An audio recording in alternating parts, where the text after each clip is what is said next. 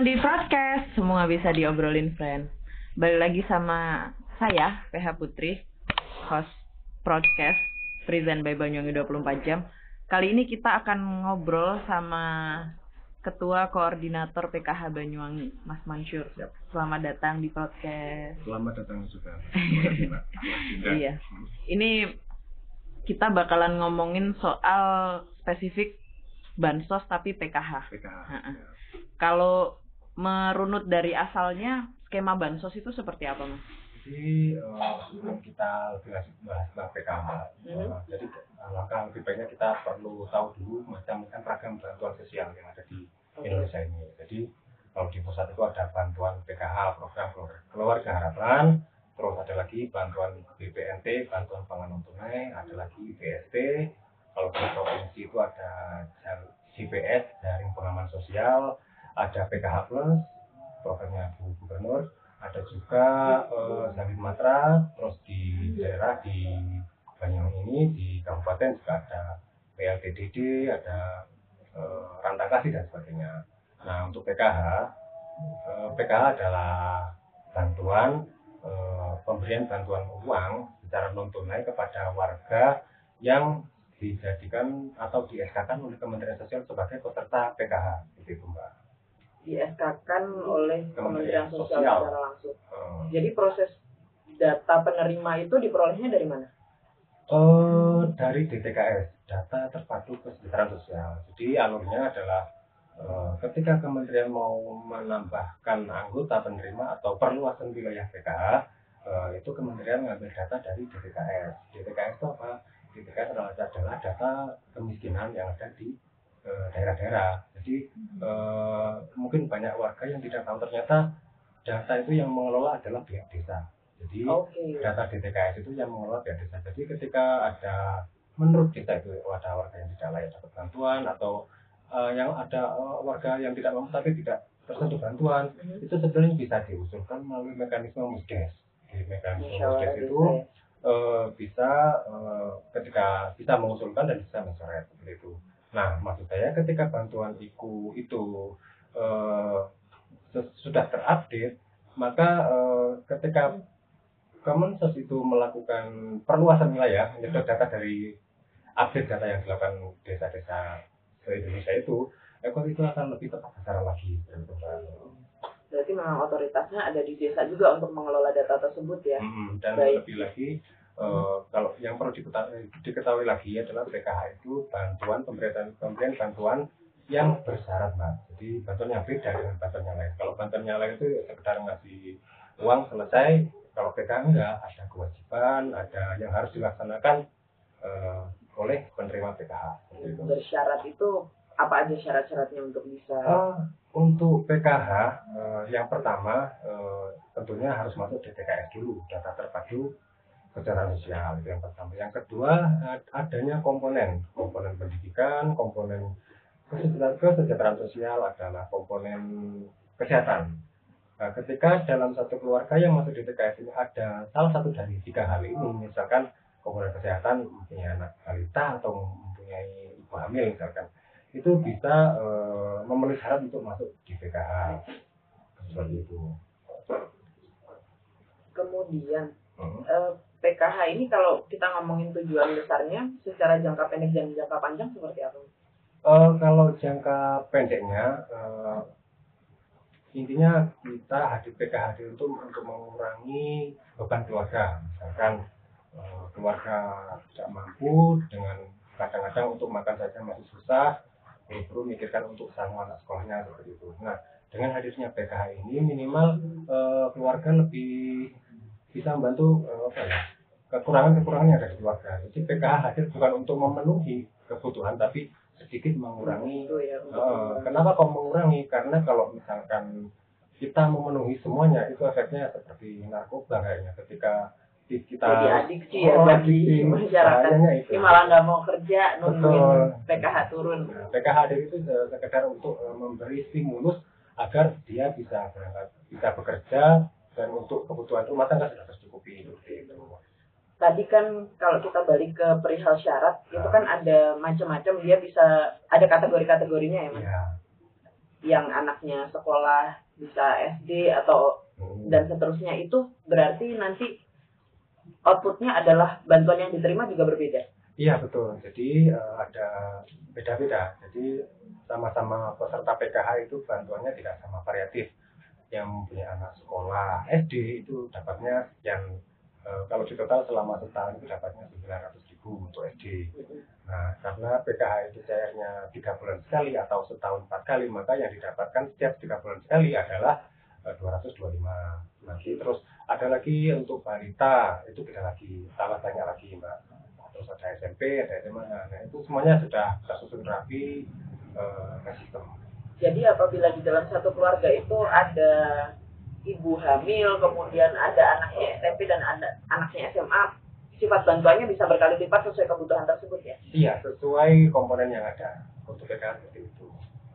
Nah harapannya apa? Ketika punya komponen kesehatan punya balita tercukupinya eh, gizi jangan sampai anak itu stunting jangan sampai anak itu kurang gizi seperti itu karena memang eh, susu itu kan mahal susu penambah apa pengganti asi gitu, penambah Kalau bicara soal turunnya bantuan itu kan per tiga bulan ya, Hmm, per tiga tiga bulan, berarti empat kali dalam satu tahun. Hmm. Itu periodenya selalu pasti. Iya, jadi untuk PKH itu setahun empat kali, Januari, April, eh, Agustus, sama yang terakhir bulan apa ya, Eh, September. September. Oh, oh. Itu kan langsung Eh Oktober, Oktober. oh, Oktober ya. Itu kan non tunai dan langsung itu berarti dananya dari Kementerian Sosial langsung ke penerima atau seperti apa? Betul sekali. Jadi eh, eh, ketika sudah momennya waktu penyaluran bantuan, jadi Kementerian Sosial itu akan meng-SK-kan eh, berita acara, meng-SK-kan surat perintah untuk pembayaran kepada penerima PKH sebanyak 10 juta itu ke Himbara. Nanti Himbara menyalurkan bantuan langsung ke rekening warga penerima seperti itu. Jadi tanpa melewati bupati, tanpa melewati dinas sosial, apalagi melewati kita, jadi langsung ke rekening mereka seperti itu Lebih aman ya. aman. Jadi eh, potensi untuk pelanggaran korupsi itu nggak ada kalau PKH. Kemudian tadi bicara tentang 10 juta. Ya. Itu adalah limit kuota penerimanya. Sampai detik ini yang disepakati pusat adalah pagunya 10 juta. Jadi ketika misalkan nih, kayak kemarin kan ada kenaikan kelas, ya, anak sudah lulus, berarti kan kepesertaan PK sudah tidak memenuhi syarat, akhirnya tercoret secara eh, alami.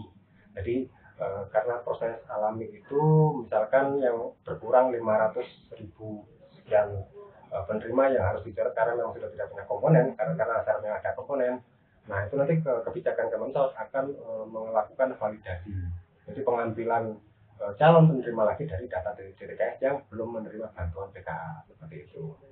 Berarti kalau ngomongin soal misalnya anaknya SMA, kemudian dia eh, daftar ketika anaknya kelas 2, kelas 3 sudah lulus, itu berarti auditnya memang dilakukan secara berkala dan sistem mengetahui ini sudah waktunya lulus maka harus diputus. Betul sekali. Jadi eh, teman-teman pendamping di lapangan setiap saat real time setiap hari ketika ada temuan ketika kunjungan lapang kok anaknya sudah lulus maka hari itu juga mereka bisa memutakhirkan data melalui aplikasi di HP-nya.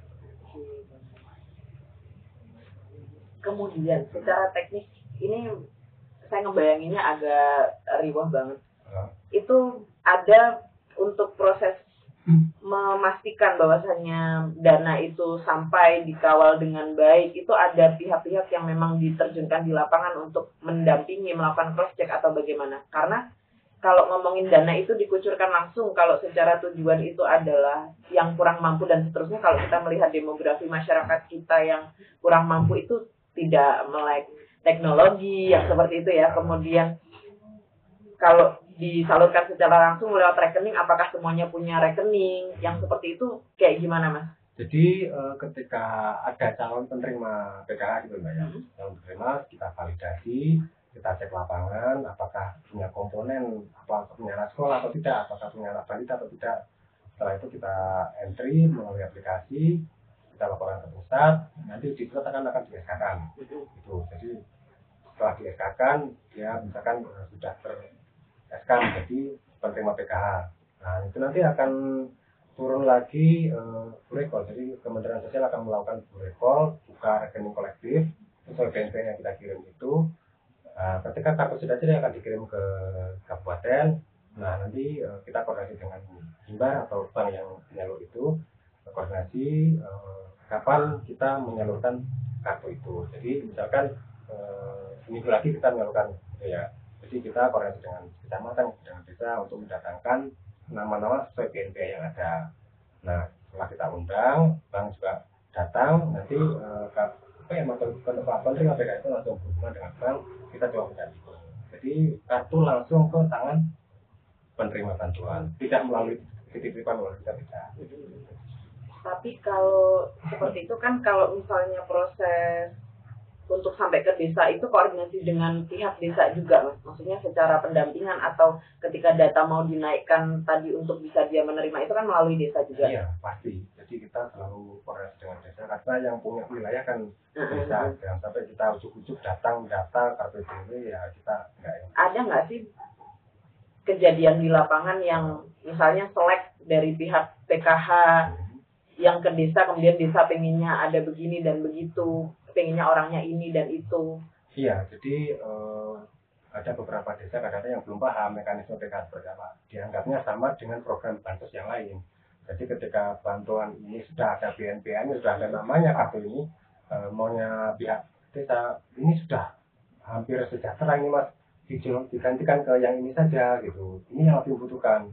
Nah ini kan secara aturan eh, pedum atau pedoman yang kita punya, pedoman bansos itu kan kita nggak boleh kayak gitu. Jadi kita harus menyerahkan sesuai BNPA yang ada ketika namanya Bu Sumiati dengan suami Pak Indra misalkan ya harus diserahkan ke yang bersangkutan sesuai KTP KK yang ada jadi ketika eh, kita serahkan ke bukan yang berhak berarti kan eh, ini adalah salah sasaran Mhm. bagi saya ini salah sasaran jadi salah sasaran bukan hanya ketika dapat bantuan dia kategori kaya bukan itu saja tapi ketika BNPA yang ada atas nama orang lain dikasihkan ke siapa itu juga salah sasaran bagi saya bagi kita seperti itu Nah, perihal persepsi berhak menerima dan tidak itu tadi, karena kriterianya kan memang ada banyak banget. Jadi Ya. secara fungsi pendamping yang ada di lapangan itu juga adalah untuk mensosialisasikan bahwasanya bahwasanya yang menerima itu adalah berdasarkan kriteria ini dan ini sampai seterusnya gitu. Eh, sejauh ini gini mbak terkait itu itu kewenangannya lebih kepada desa jadi kita Oke. berpedoman ketika orang itu masuk data kemiskinan Mhm. kita menganggap dia memang layak dapat bantuan karena memang tidak dimutahirkan oleh yang berwenang Oke. pihak desa jadi kalau memang eh, kan misalkan data calon tadi sudah turun ya calon penerima turun kita koordinasi dengan desa dulu pak ini nama-nama calon penerima PKH ini menurut yang tidak layak mana yang layak mana kita koordinasi dulu Oh, berarti dikoordinasikan dulu untuk Iya, lagi. biar tidak ada salah paham antara nanti karena memang sering ketika ada bantuan ini yang jadi eh, bulan-bulan adalah pihak desa jadi Pak kok yang dapat bantuan ini apa gara-gara ini dekat dengan pihak Nah, itu. gitu. nah ini untuk menjaga hal kayak gitu kita ko- koordinasi yang bagus lah biar tidak ada yang dirugikan seperti itu Pak Yang sering jadi bulan-bulanan pendampingnya ya. pendamping dan pihak desanya Iya, desanya juga. dikomplain banyak warga seperti itu Kemudian program PKH ini sebenarnya adanya sejak dari kapan sih Mas? Sejak 2007 sudah ada PKH Sejak 2007 udah ada ya. Karena kemarin kan kita sempat nge-spill di IG-nya Banyuwangi 24 jam untuk teman-teman yang mau nanya-nanya. Jadi memang banyak banget yang berkeluh kesah kaitannya dengan menerima bantuan itu dan bertepatan dengan pandemi ini Iya, gitu. Dari Dwi Maulidia Savitri. Mhm. Untuk penerima PKH yang sudah meninggal Mhm. tapi masih ada anaknya yang sekolah masih dapat. Iya, jadi kalau di PKH memang di pedumnya pedoman umum eh, PKH itu sudah jelas. Di situ ada salah satunya eh, ketika case-nya atau kasusnya adalah eh, penerima bantuan itu meninggal, itu eh, anaknya masih sekolah itu masih bisa dapat bantuan. Jadi nanti mekanismenya eh, kartu akan diblokir oleh bank. Eh, kita nanti melapor ke Kemensos untuk penggantian kepengurusan. Jadi nama rekening akan digantikan ke anaknya nanti oleh Kemensos akan dicetakkan rekening atas nama anaknya atau yang menggantikan atau walinya siapa terserah Eh, nanti akan ka- turun kartu sesuai dengan alamat yang baru seperti itu nama yang baru seperti itu Gitu ya Mbak Dwi Maulidia. Mhm. Ada pertanyaan dari Rifrifa.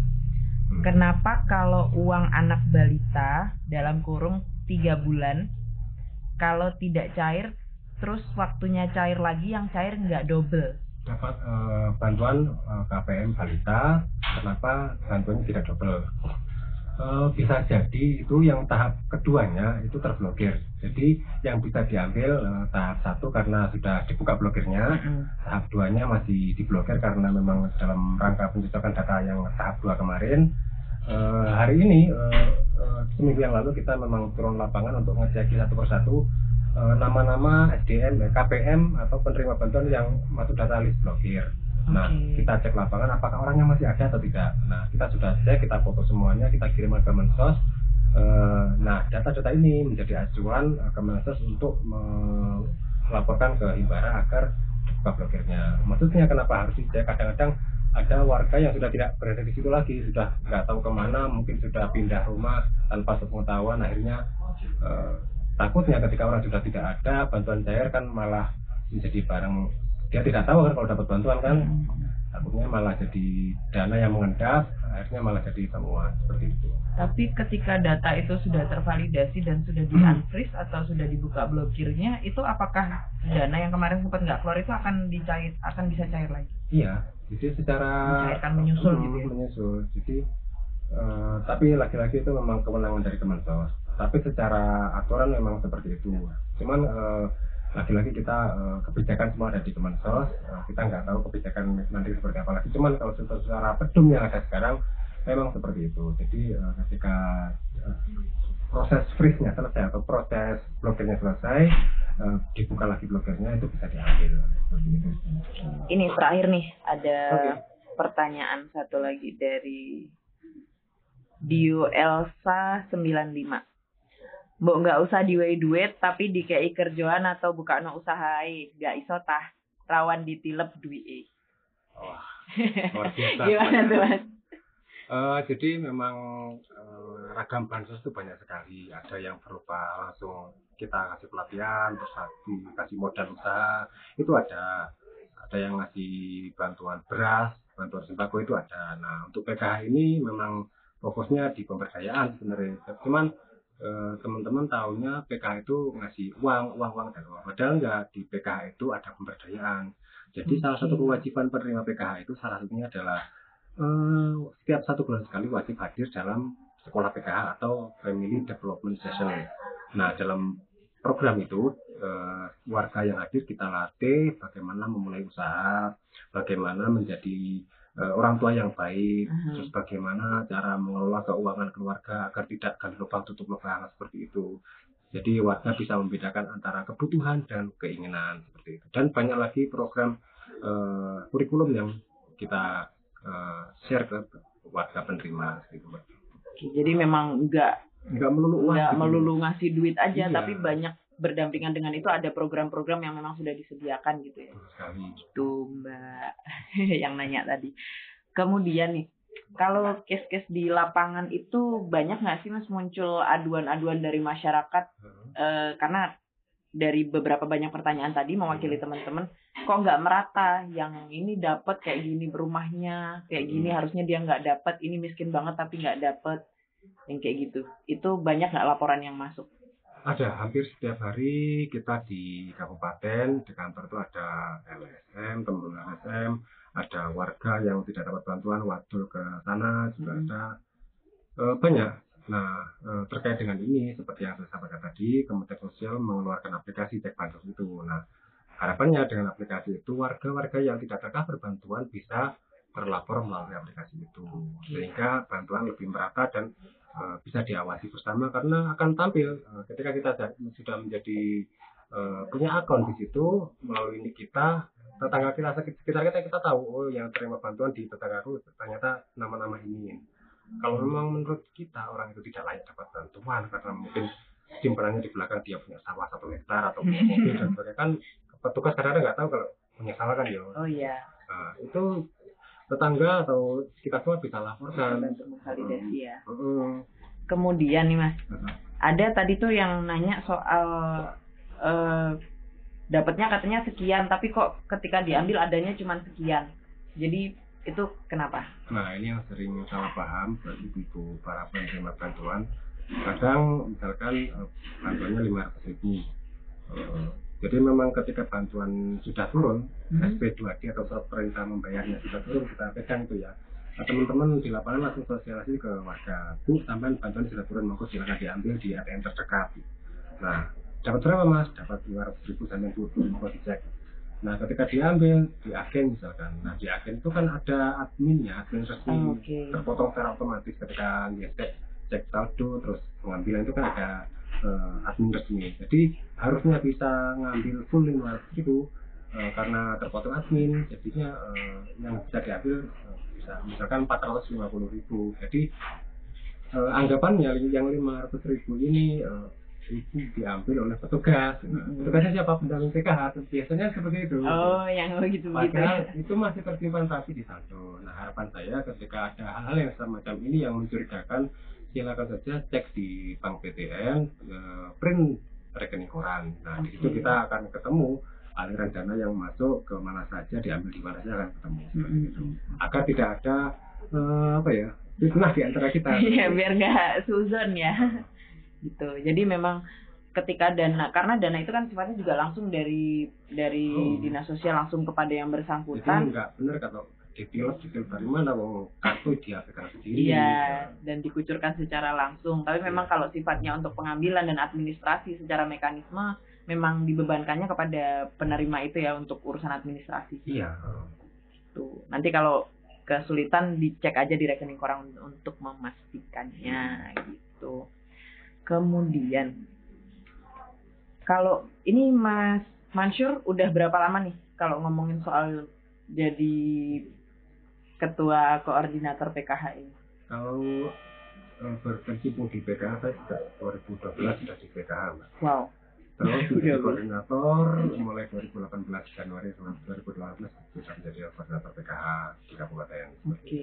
Jadi sebagai ketua koordinator apa sih Mas keluh kesahnya? Itu Eh, Saman kan di kantor juga dan ngecek ke lapangan juga kan? Iya.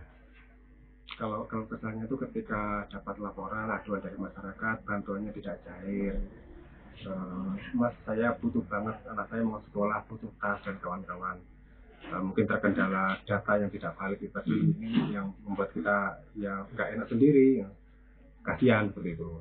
Itu lebih ke situ sebenarnya. Terus ada lagi aduan dari teman-teman media teman LSM yang kadang-kadang eh, tidak membawa data ujung-ujung eh, ke sana. Terus langsung menyalahkan kita tapi ternyata setelah kita jelaskan oh gitu toh mas setelah kita ngajak ngopi ternyata eh, diskusi bersama oh ternyata PKH gitu tak pikir sama dengan bantuan yang seperti yang dulu-dulu gitu Sering-sering diajak kopi aja berarti Mas. Nah, jadi ya eh, hikmah dari ngopi bersama ya Nah, itu gitu, ya. Mbak. Oke, baik. kalau untuk senangnya ketika bantuan sudah turun dilapori ibu-ibu KPM mas alhamdulillah anak saya sudah bisa dapat tas baru sepatu baru. Luar biasa senang terus yang selanjutnya adalah doa-doa mereka yang kita bantu itu luar biasa mbak. Kalau dari segi gaji mungkin kita nggak seberapa tapi secara nggak langsung rezeki dari yang lainnya tidak berkat doa para yang kita mereka mereka yang kita bantu untuk ini gitu. Luar biasa. Oke. Kemudian nih pesan-pesan dari Mas Mansur buat teman-teman di luar sana baik yang sedang rajin memantau nih PKH Iya. tepat sasaran atau tidak atau bagi penerimanya apa yang ingin disampaikan buat teman-teman? yang pertama PKH itu adalah program saya kira program yang besar sekali luar biasa besar Eh, kita nggak eh, apa ya kita sangat pengen sekali proyek PKH ini dijaga diawasi segenap lapisan masyarakat. Jadi ketika ada aduan ketika ada pelanggaran kalau yang melanggar itu adalah pendamping PKH monggo silakan lapor saja ke kita ke saya. Kalau misalkan ada oknum selain PKH monggo silakan koordinasi dengan teman-teman pendamping nanti akan terusan ke kita tentunya. Nanti akan kita tidak lanjutin seperti itu. Jangan sampai eh, kejadian di luar-luaran sana terjadi di Kabupaten Banyuwangi. Saya sangat berharap itu jangan sampai terjadi makanya kita intent eh, setiap sampai tanggal 24 besok kita tur ke 25 kecamatan Pak untuk sosialisasi ini gitu. Baik. Cukup ya. Em, Oke, teman-teman, terima kasih banyak. Apabila ada barangkali yang masih pengen ditanyain, bisa ditanyain di kolom komentar. Nanti dijawabin sama adminnya. Saya PH Putri pamit undur diri. Terima kasih.